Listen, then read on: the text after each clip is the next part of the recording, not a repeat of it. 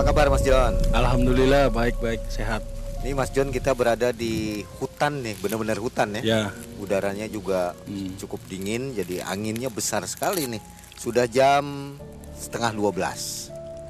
Mas John di tempat ini kan cukup angker nih. Mm-mm. Ngerasain apa nih?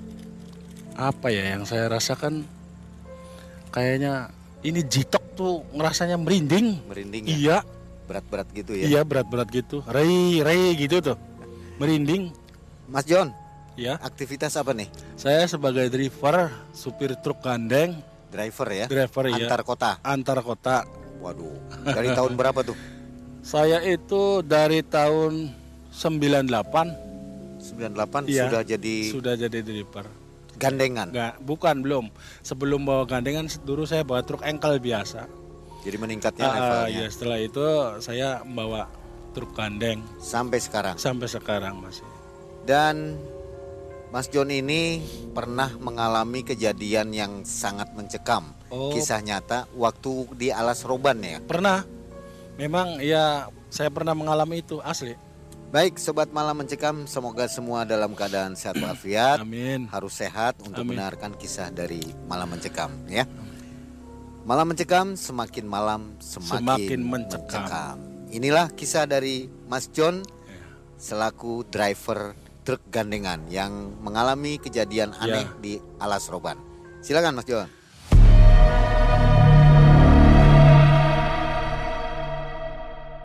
Di tahun 2008 itu saya itu baru pulang, berangkat baru pulang pas hari Minggu. Kalau Minggu kan pulang, malam Minggu tuh pulang. Saya lagi sama istri, sama anak. Paginya ke pasar, habis belanja-belanja buat masak lah. Sekitar jam 10 itu bos saya tuh ngebel, telepon. John, kamu berangkat? Bilang begitu bos saya. Jadi saya agak berat gitu. Kan hari Minggu harusnya untuk keluarga gitu mah ya. Tapi gimana lagi ini kan tugas. Nah, setelah itu saya pamit sama istri. Mah, ibu bos tuh kan bosnya perempuannya dipanggilnya kan ibu. Ibu suruh papa berangkat. Saya bilang begitu Maya sama istri saya. Akhirnya saya berangkat, diantar sama istri naik motor sampai ke apa itu tempat apa angkot. Saya ke garasi saya ke pool saya naik angkot. Setelah itu saya pulang, saya datang ke bos. Ibu, katanya saya suruh berangkat. Nah, terus ibu, iya kamu berangkat ke Tangerang, muat biji plastik, bahan plastik tuh, nah, iya, yang kecil-kecil bulat. Saya tuh bilang sama ibu, sama bos saya, bos, nanti saya cek mobil dulu. Akhirnya mobil dicek oleh para mekanik-mekanik, mekaniknya kan ada tiga, dicek sama mekanik. Kaki-kakinya, olinya, terus kabel-kabel apa barangkali dicek. Itu sekitar jam 2. Jam 2 itu udah beres semua. Saya bilang sama bos, bos, ini mobil kondisi siap, sudah dicek semua, udah cek semua kata, udah. Ya, bos ngasih saya kas, ngasih saya kas 2 juta 300. Ya saya berangkat ngosong. Nah, kenek saya belum datang. Saya nyusulin dulu ke ke rumah kenek saya. Bul berangkat, langsung berangkat ke Tangerang. Nah, nyampe Tangerang pagi, yang namanya truk kan nggak bisa nggak bisa balap lah gitu, nggak bisa kayak bus tidur lagi, tidur lagi, makan lagi, ngopi lagi kan gitu Maya ya. Perjalanan satu malam dari Cirebon ke Tangerang itu. Akhirnya nyampe pabrik pagi, akhirnya mobil dimuatin. Dimuatin kenek saya itu suruh ngurus eh, apa surat jalan. Kamu ngurus surat jalan sana ke kantor. Nah, setelah saya keluar, saya lihat-lihat DO, lihat surat jalan. Itu di surat jalan bongkarannya Jalan Kaligawe, Semarang, daerah pelabuhan, daerah situ. Ah, mending lah kalau di Kaligawe sih nanti kan biasanya tuh di, di di pelabuhan Semarang kan ada pabrik tepung. Biasanya suka muat tepung di situ. Nah, setelah itu berangkatlah saya dari Tangerang.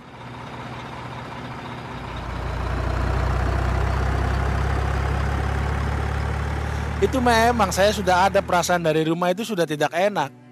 ke satu ninggalin istri di hari Minggu mah ya. Terus kedua nggak tahu ada rasa apa gitu tuh. Nggak ada rasa apa lah nggak tahu. Banyak kempesan lagi, kempesan lagi itu yang nama, namanya ban kempesan terus. Biasanya bawa muatan 35 ton itu nggak pernah kempes. Itu bawa muatan 35 ton aja kempes lagi. Kempes saya kasihan sih kasihan sama kenek saya. Buka ban lagi malam-malam sedang tidur. Buka ban lagi. Nah, itu beres. Nyampe lagi ke Cirebon. Ke Cirebon itu saya minta kas buat pulang gitu. Ke bos saya bos. Saya sekalian minta DO dari Semarang buat ke Jakarta lagi. Dikasih lah sama bos. Ini kamu nanti muat tepung dari pelabuhan. Semarang kan deket saya Maya kali gawe. Ke pelabuhan kali turun aja kan itu. Terus dikasih lagi kasnya saya tuh. Berangkat saya setelah maghrib. Berangkat arah ke Jawa. Berangkat arah ke Jawa. Itu memang iya saya tuh apa ya tetap perasaan tidak enak tuh menyelimuti hati saya terus seolah-olah akan ada peristiwa besar. Perasaannya tuh nggak enak takut ada apa-apa di keluarga saya. Begitu. Saya tuh tidak henti-hentinya membaca istighfar terus. Terus setelah masuk Jawa Tengah terus Tegal Pemalang itu Pekalongan. Nah itu mulai masuk wilayah Batang itu makin ini perasaan tuh makin duk duk duk perasaan makin tidak enak saya ngebel lagi ke istri saya. Mah keluarga sehat semua ta. Mah keluarga nggak apa-apa ta mah nggak ada apa-apa keluarga sehat semua. Yang saya khawatirkan itu akan terjadi apa-apa sama keluarga saya Maya tuh. Akhirnya itu kan bisa membuat saya tenang kembali ya. Tenang lagi. Itu baru ngedengar suara uh, istri saya seperti itu tenang. Tapi sebentar lagi nak diduk lagi merinding lagi itu. Setelah masuk kota Batang lewat kan daerah tulis. Itu daerah tulis mah ya udah mulai nanjak itu. Sudah mulai nanjak terus sudah bukit-bukit terus sudah mulai hutan lah gitu. Sudah mulai hutan. Akhirnya masuk alas roban saya itu. Masuk alas roban. Jam berapa tuh? Sekitar jam sebelasan lah. Jam sebelas malam ya itu kan saya setut kalau nggak disedut setelah maghrib atau sebelum maghrib itu nyampe alas roban jam 2 malam. Karena apa? Karena saya setut apa mbak ya karena ini tuh nggak enak terus. Nah, setelah lolos saya alas roban, itu kan alas roban waktu tahun 2008 kan jalannya masih dua. Jadi jalan yang sebelah timur sama jalan tengah jalan Dendles yang kayak obat nyamuk itu.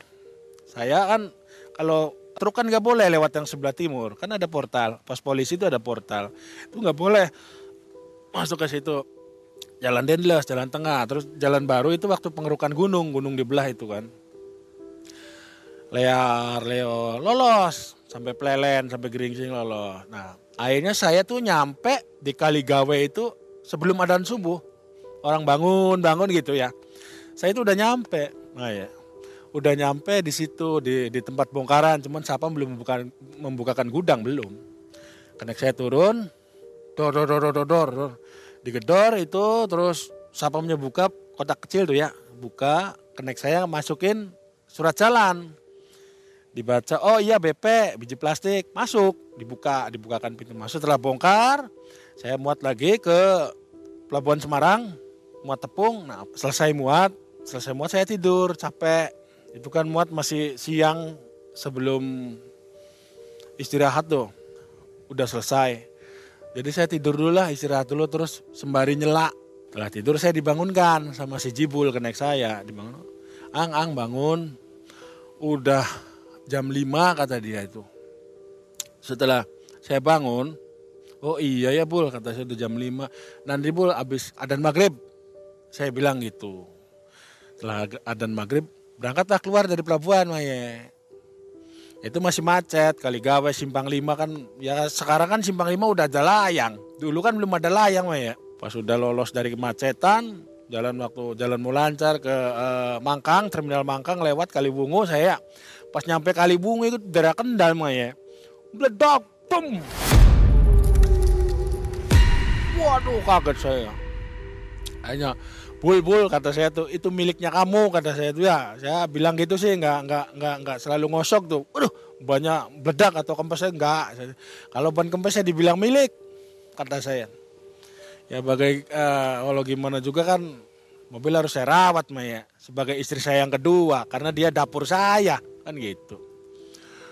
Akhirnya si Jibul itu turun dongkrak terus dibuka saya megangin kunci, kunci roda si Jibul yang buka krak krak krak krak beres selesai. Bul kata saya tuh aduh nggak ada warung cari warung dulu. Cari warung sekalian makan. Saya ketemu sama warung makan. Ya bukan warung makan lah biasalah wartegan itu warung sederhana lah gitu mah ya. Saya makan sama si Jibul itu saya lihat jam jam 8 jam 8 oh Bul masih jam 8 santai aja kata saya kan terus nyela nanti di Roban tuh kalau masih sore kan macet mah ya si Jibul ya udah nanti aja lah nunggu lancar barangkali nenggak takutnya kan ketenggak mah ya kalau ketengak, ganjalnya satu, remnya nggak tahan, bisa letter S mobil tuh. Akhirnya si Jibul nurut, ya udah tidur aja lah dulu, istirahat lagi sebentar. Itu kira-kira jam 10 lah Maya. Jam 10 itu berangkat dari Kalibungu, Kendal. Setelah nambal ban tadi itu berangkat. Setelah berangkat itu mau masuk alas roban. Daerah Weleri Weleri abis lewat Weleri itu Gringsingnya. Gringsing itu udah kelihatan alas roban dong ya.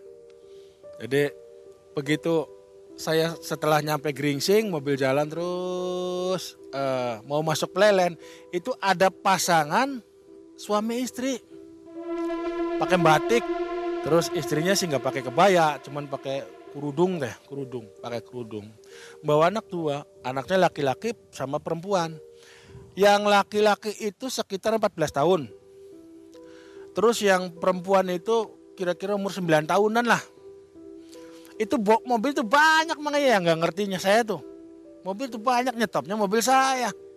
Saya kan gini ya. Dari rumah kan saya udah uh, cerita tadi dari rumah tuh udah nggak enak dak dik dak dik terus. Nah mungkin saya tuh barangkali nolong orang ini jadi rasa nggak enak saya bisa hilang jadi saya naikkan bul bul bul kata saya tuh ya tolong naikin kasihan akhirnya itu saya berangkat setelah itu naik yang laki-laki duduk di jok tengah yang perempuan ibunya itu sama yang anak dua duduk di belakang. Kenek di mana? Si kenek di jok sebelah kiri. Kan joknya ada tiga Maya. Terus di belakang ada tempat buat tidur. Nah itu yang istri sama yang anaknya itu di belakang. Setelah dia naik itu jarak sekira adalah bangsa 50 meter lah. Itu udah masuk udah masuk kawasan Roban, udah nanjak Plelen, mau nanjak ke tanjakan Caringin. Itu tanjakan Caringin kan terkenal singit angker di situ. Posisi jam berapa itu? Itu kurang lebih itu posisinya jam 12 lewatan lah ya. Setengah satuan lah. Saya merasa aneh, sedikit aneh. Saya pegang setir mah ya. Ini merinding semua merinding semua kaki sampai dingin kata orang Cirebon sih bilangnya cecatuken itu yang saya nggak ngertinya setelah saya merinding dingin segala-gala itu tercium bau hanyir. Udara darah amis teh. Darah baru seger gitu teh. Itu di situ mulai saya ada kecurigaan. Ini ma manusia asli manusia sejati atau apa? Cuman dalam hati saya saya selalu begini, saya nggak mau ujon sama orang. Selagi dia berwujud manusia, saya anggap dia manusia. Tapi sudah kalau sudah rubah wujudnya, misalkan berwujud setan atau iblis ya berarti saya anggap iblis. Kan gitu mah ya. Tapi selama itu dia itu wujudnya manusia. Ya saya hargai bahwa dia manusia. Cuman bapak itu seolah-olah apa ya? Seolah-olah menghibur saya. Ngobrol ngobrol sih malah kenek saya yang tidur si Jibul nih si Maksudin nih tidur molor ya kalau driver sih ya Maya kalau kenek tidur tuh seneng soalnya nggak ngerokok terus kalau dia melek tuh ngerokok terus Maya ngabisin bako jahat itu Jadi saya diemin aja lah.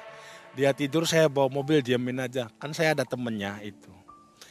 Nah setelah itu yang bikin saya aneh lagi Maya. Itu kok dia tahu keangkeran titik-titik paling angker lah. Dia tahu. Dia tahu titik-titiknya itu droban semua titiknya tahu dia.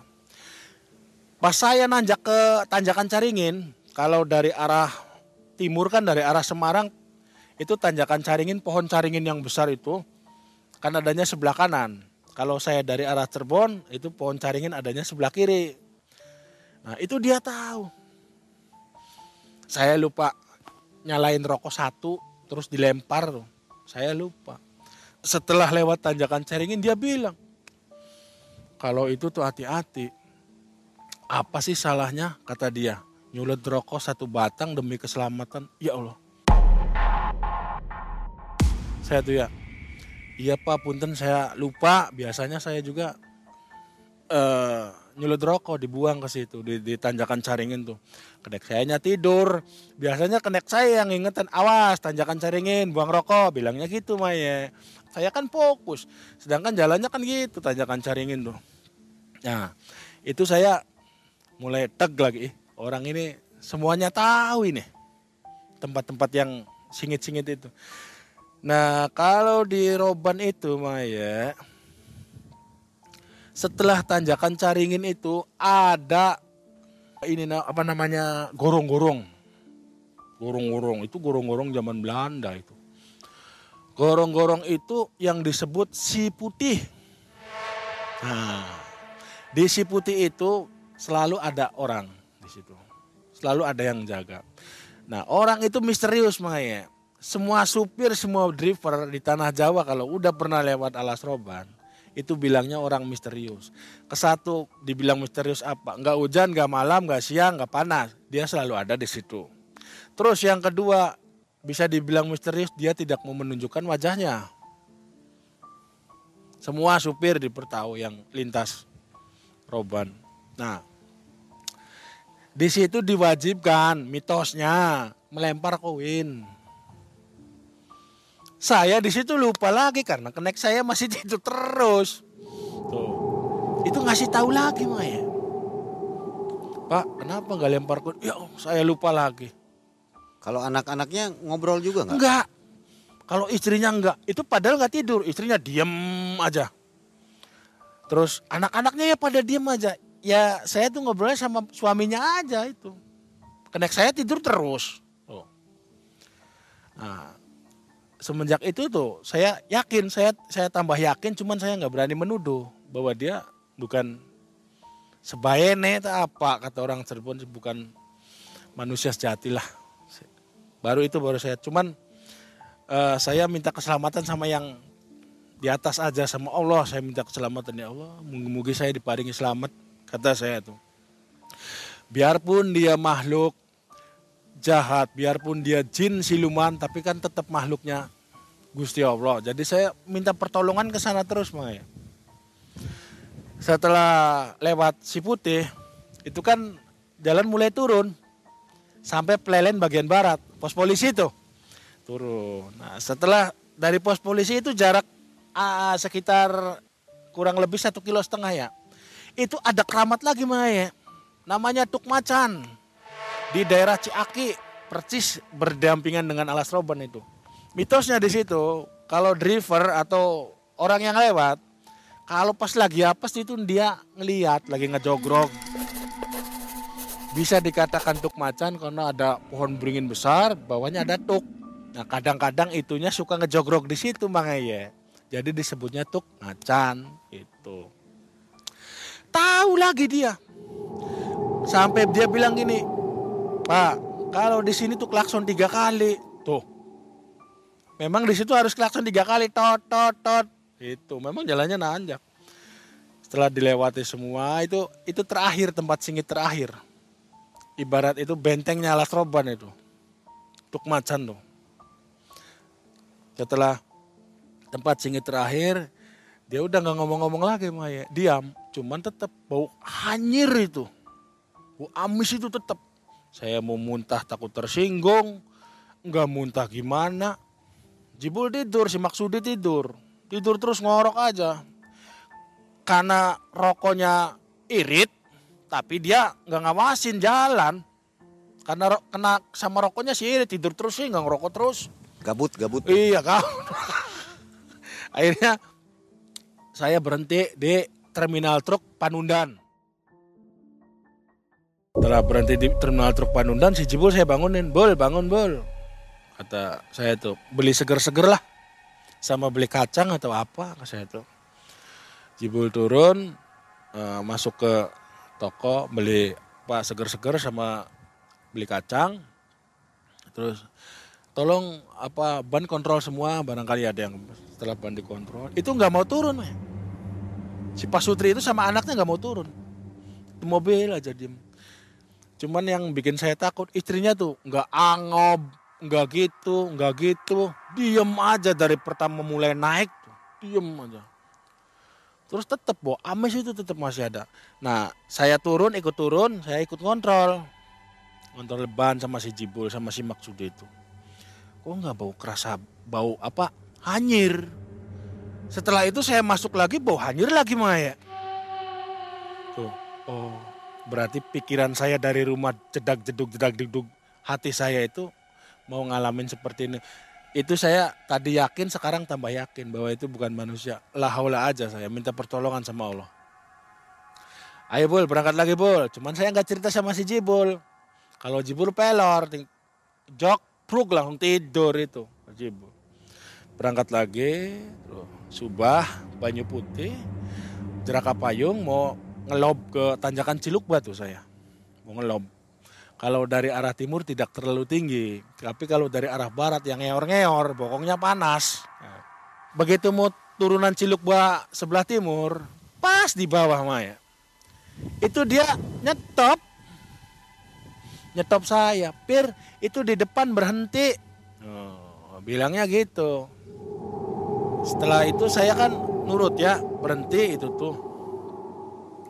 Nurut berhenti pas bisa di bawah gitu. Saya juga mikir aduh sebenarnya di si tanjakan ini tuh Ciluk Babagai sebelah timur itu mobil tuh harus dilempar. Nggak bisa main dirayap nggak bisa. Kalau dirayap pasti nenggak. Pasti nenggak. Itu pasti dilempar dialungin. Pakai los spray udah. Eh, malahan dia turunnya tuh di pas turunan gitu di sini. Ada saya kuat nanjak. Enggak nih nanti kalau berangkat nih. Soalnya udah nggak ada napas sih dari bawah. Ambil satu nggak mungkin nanjak. Tanjakan situ nggak nggak nggak mungkin nanjak. Semua supir pasti dilempar.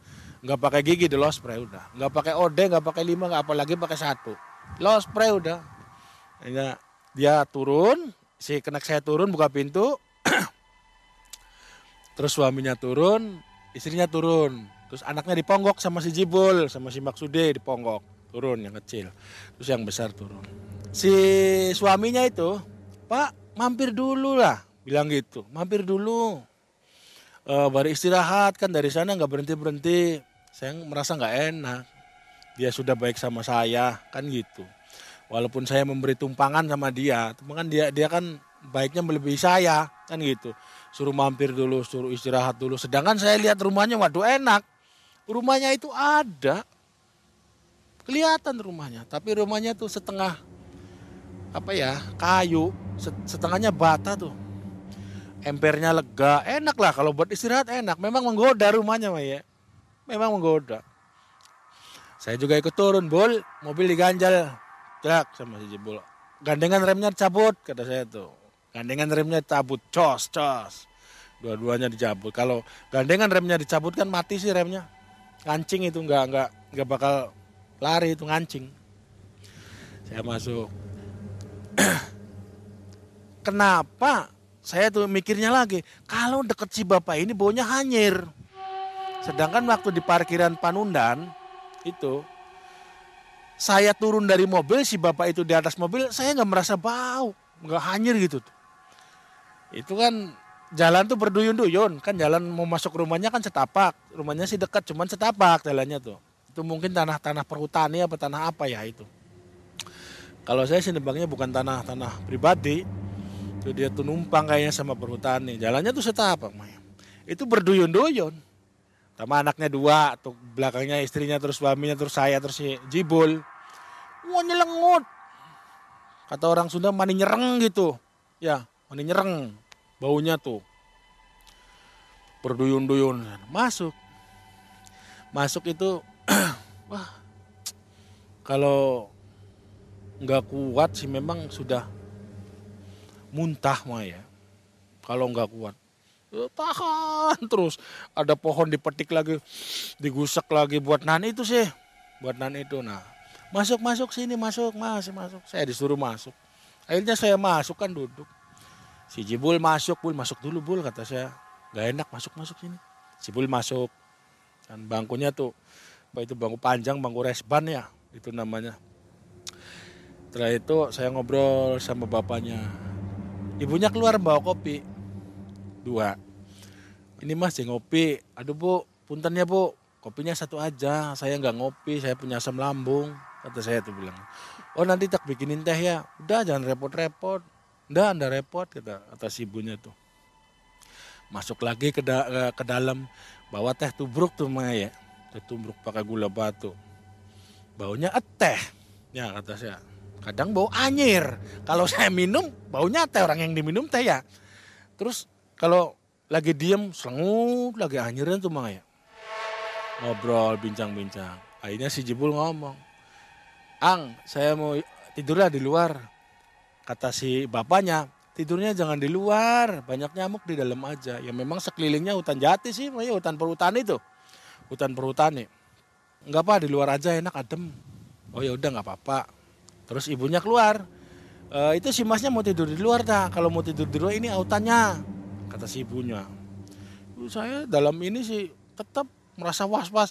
Dalam benak pikiran saya, cepet siang, cepet siang, cepet siang gitu mah ya. Nggak mau bertele-tele. Bisanya bertele-tele karena saya menghargai sifat baiknya si bapak ini. Gitu, sudah mau mengajak saya mampir gitu. Nah, si Jibul tidur, saya di dalam saya ngobrol sama bapaknya bapak di sini udah berapa tahun? kata saya tuh. Terus ini rumah tanah bapak atau bukan? Dia cerita semua. Ini bukan tanah saya saya numpang sama perhutani. Kan saya bener. Nah si bapak itu cerita seperti itu. Cuman tetap mah ya itu baunya kayak borok. Anjir. Ngobrol ngobrol. Saya tuh sambil mau meng menghirup udara yang agak enak gitu Maya. Keluar dulu saya tuh Maya. Setelah saya keluar lihat si Jibul itu si Maksudi memang kayak orang gelisah tidurnya tuh. Tidurnya seperti orang gelisah. Ah, ah, ah, gitu. Saya bangunin, bangun, bangun, bangun, kata saya tuh. Kamu kenapa ah, ah, terus? Iya lah, saya ngimpinya nggak enak Ngimpi apa kamu? Kalau ngimpi mantep sih besok bisalah dibahas direkap pada saya tuh. Ya bilang gitu. Terus enggak lah kayak kalau ngimpi sih enggak cuman kayak tidur nggak tidur tuh ya si Jibul bilangnya begitu. Terus udahlah saya mau tidur lagi kata si Jibul. Aduh saya udah cukup nih oksigen nih menghirup udara yang tidak hanyir nih. Saya tuh udah udah. Ya masuk lagi hanyir lagi Nah setelah itu bapaknya itu ngomong begini, udah pulangnya besok aja. Jangan sekarang, istirahat aja dulu si mas di sini. Si bapaknya bilang begitu. Saya mikir dua kali ya. Saya kalau tidur di sini, baunya aja udah kayak gini, nyelengut kata saya tuh. Jadi saya ikut ke belakang.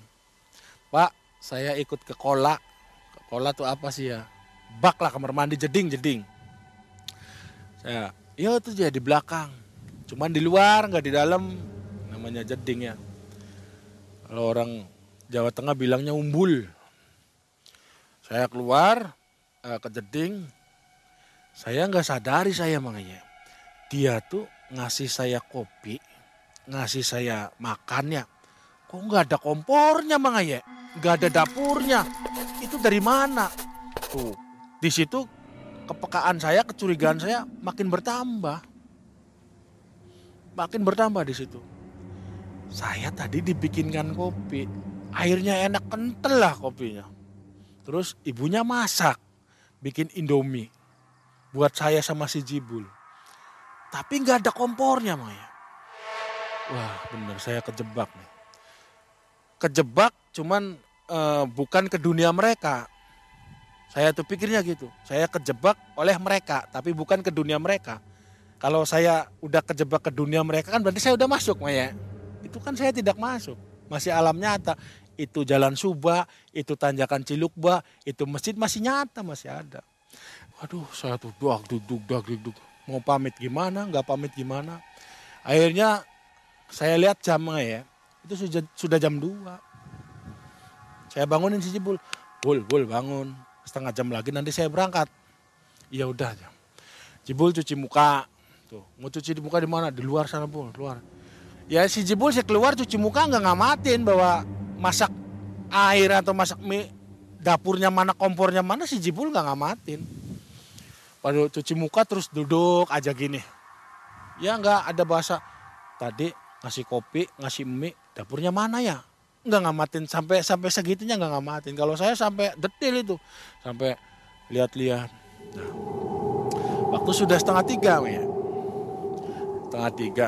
Dia juga mulai gelisah setengah tiga saya belum tidur setengah empat kan kata kata ahli paranormal sih waktunya dia pulang kan kata yang ahli gitu saya kan orang awam nggak ngerti jadi saya pamit ya. pak saya tuh mau berangkat? Oh ya ya ya mas ya ibunya mana pak? Ibunya udah tidur udah ngorok kata kata si bapak tersebut. Setelah saya nyuruh jibul bul lapin kaca. Jibul nyuci kaca keluar. Kaca mobil biar terang ya padangnya si bapak itu manggil Maya manggil cuman ngobrolnya itu bukan di ruang tamu yang tadi. Saya dibawa masuk ke dia. Ke ruangan khusus nah ruangan khusus itu memang tidak ada benda apa-apa tidak ada benda apa-apa. Cuman apa itu kain aja tuh Maya jadi setengah setengah rumah itu setengah badan itu dikelilingin sama kain merah dan putih. Sama ada meja kecil. Begitu saya masuk saya lebih kaget. Wah ini benar-benar saya terjebak sama mereka nih saya itu begitu masuk sini mas duduk saya mau bikin hidup kamu robah. Saya mau bikin hidup kamu enak dia bilang gitu. Akhirnya saya duduk. Gimana pak? Kata saya tuh. E, begini si mas nggak ngerasa capek. Capek gimana pak? Orang tanggung jawab saya kepada keluarga. Nggak ada rasa capek lah. Kan gitu. Terus akhirnya saya bisa mengabulkan apa keinginannya si masnya cuman ada syaratnya dia bilang gitu uh tambah mengkorok saya tuh murinding saya tuh uh saya tuh komentar dua persyaratan yang satu persyaratannya si Mas ini di rumah punya ayam enggak? Dia bilang gitu. Kalau ayam banyak istri saya suka melihara ayam kata saya tuh ya. Ya ada bangsa 60 70 ayam istri saya. Dia bilang sambil ketawa tuh wah banyak aja ayamnya. Cuman yang dimaksud Bapak bukan ayam itu. Yang dimaksud Bapak ayam apa? Yang dimaksud Bapak tuh ayam jago wiring kuning Mang yang ulesnya kuning tuh ya ayam jago wiring kuning sama yang satunya ayam manggrem sama petarangan ya saya bilang lagi karena saya memang nyata punya ya saya pak yang lagi anggrem itu ayam babon-babon tuh ada 11 kata saya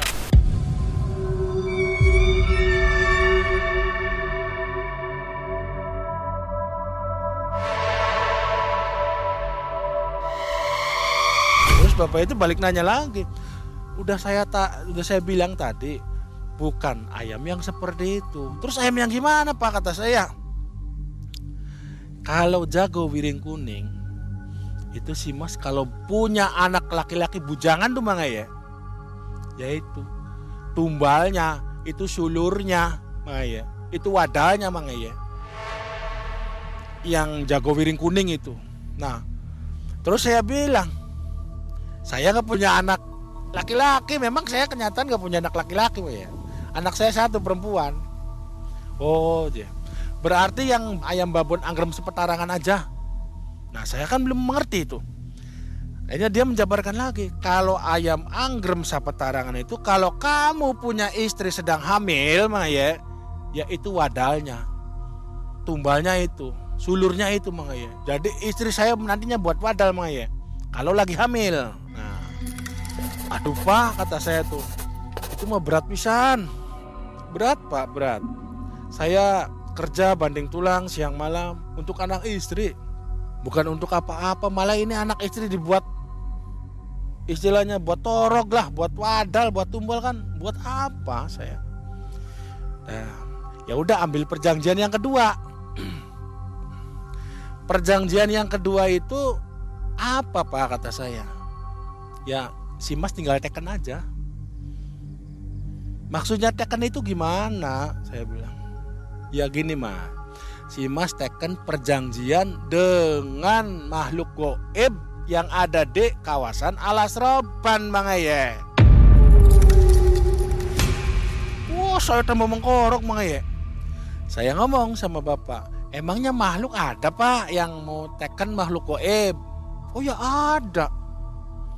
Saya mikir lagi Bang Aye. Mikir lagi saya tuh. Nah, setelah begini Pak, begini saya bilang. Setelah saya tekan tekan kontrak, endingnya akhirnya tuh gimana? tungtungnya teh kumaha gimana kata saya tuh terakhir apa endingnya gini si Mas setelah tekan kontrak dengan penghuni goib yang ada di sana di Alas Roban si Mas itu ambil porsi ada tiga porsi 7 tahun 21 tahun 33 tahun waduh pinter sekali kata saya ya saya coba Pak, saya mau yang tujuh tahun, cuman saya tidak mau tekan dulu. Kronologinya gimana? Saya bilang gitu.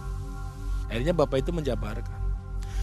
Jadi si Mas ini eh, kontrak dengan makhluk gaib yang ada di Alas Roban, misalkan kontrak tujuh tahun. Nah, setelah tanda tangan tekan kontrak deal. Si Mas itu mau usaha apa aja jadi, jangankan usaha makanan, usaha istilahnya daun aja daun epring. Kalau dikemas dijual itu laku.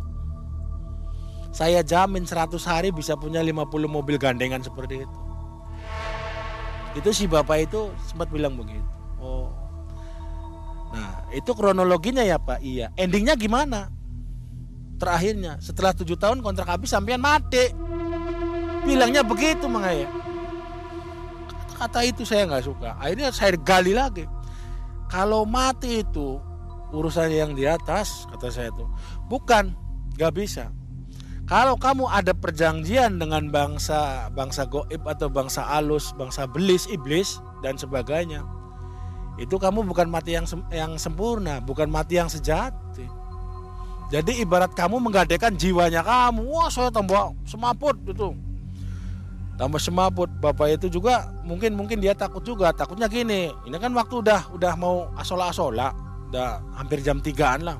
Dia mempercepat pertanyaannya makanya. Jadi mau tekan kontrak enggak? Kata saya enggak lah saya sih hidup susah lagi dijalanin. Terus hidup sengsara yang sedang dilakonin kata saya. Terima kasih atas tawarannya dan atas jamuannya. Saya bilang itu forumnya tuh forum iblisnya tuh keluar Maya merengut matanya merah. Untung nggak keluar sungunya aja itu. Orang porum iblisnya tuh keluar. Nah setelah itu saya langsung pamitan. Coba saya pamit pulang. Nah, saya pulang. Saya tanya bol udah dicuci kacanya? Udah ang ya bilangnya gitu. Itu saya keluar saya buka kabin rek. Saya lihat si bapak masih nunggu di pintu. Rumah masih ada. Nah saya tutup lagi kabin sebelah kiri bro muter masuk kabin yang sebelah kanan setir. Buka pintu setir. Saya masuk. Setelah saya masuk kabin si Jibul naik. Plek. mobil belum di starter sama saya tuh. Setelah di starter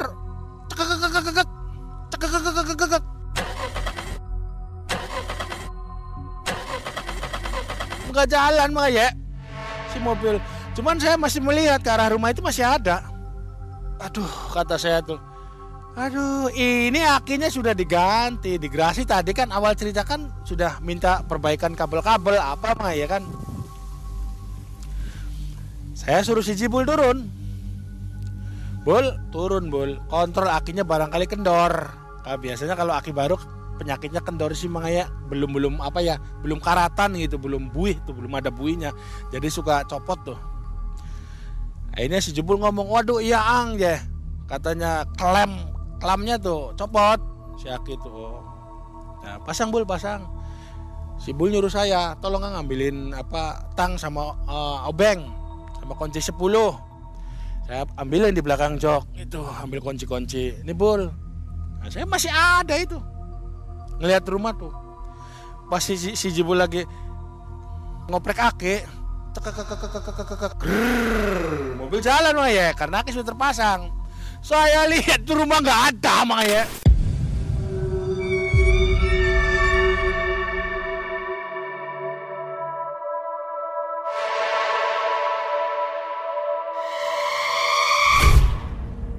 asli tuh yang tadinya si bapak masih nungguin di pintu megang saka. Itu begitu cekak saya lihat rumah nggak ada.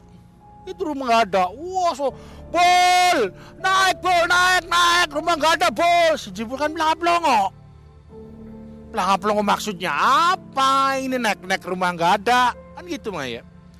Cepet bol cepet bol naik. Rumah nggak ada hilang rumah hilang. Si Jibul marah sama saya. Hilang apa sih maksudnya? Cepet naik goblok tinggal sama saya Akhirnya si Jibul lari, itu larinya dia karena sasah, nggak ngelihat rumah mang ya, langsung masuk aja, bro, per saya tuh. Ternyata iya, pakai gigi dua tuh mang ya. Biasanya saya biasa 40 mobil saya sehat, bawa 40 biasa gigi dua rayap. Itu pakai gigi dua, pek, pek, pek, alah, tahu rumahnya hilang, mobilnya ngeblok, blok, ambil satu, celek ngeor, ngeor. siap ganjel bol kata saya, ngeor. Nyampe ke atas mah ya, nyampe ke atas itu kan masjid saya bilang tadi ceritakan masjid di, di, di atas tanjakan itu ada masjid Ciluk Batu. Minggir ada warung. Kayak bau-bau sangit gitu tuh Maya barangkali kampasnya apa. Nah setelah minggir itu warung masih buka. Memang warung itu 24 jam banyak lah rame lah. Biasa supir kadang-kadang ya orang posisi dari uh, Cirebon juga dari Semarang Cilukbo kan ngeri gitu. Tanjakannya tahu sendiri lah driver yang lintas sana si Cilukbo. Aduh menakutkan lah. Itu udah menjelang pagi jam 3 lewat. Itu udah jam 3 saya keluar dari rumah itu jam 3 saya masih ngasih pul ganjel pul ganjel semua ganjel. Mobil diganjel saya turun. Mesin saya nggak mati kan? Ngilangin debu kopling sih. Keras setengah. Saya masuk. Mau bikin apa saya bikin itu apa namanya? Yang di teko kecil apa namanya? Tepoci saya bikin tepoci kata saya bul ada kempong beli kempong mangan maning kata saya itu. Loh mangan belah wis lah aja. Kempong maning kita aja si bul bikin itu apa? Sepike seger. Memang di situ warung semua menyediakan sih. Sepike itu menyediakan warung daerah situ. Cibul makan sama suike. Kalau saya saya nggak nggak nggak makan itu sih, nggak makan suike akhirnya Bul mobil dimatiin. Matiin crack turun saya ngobrol duduk di luar cuma ya sama tukang warung di balik merokok sambil minum, minum teh poci. Karena saya nggak ngopi. Tadi si mas kata tukang warung tuh ngalamin apa di bawah? Katanya.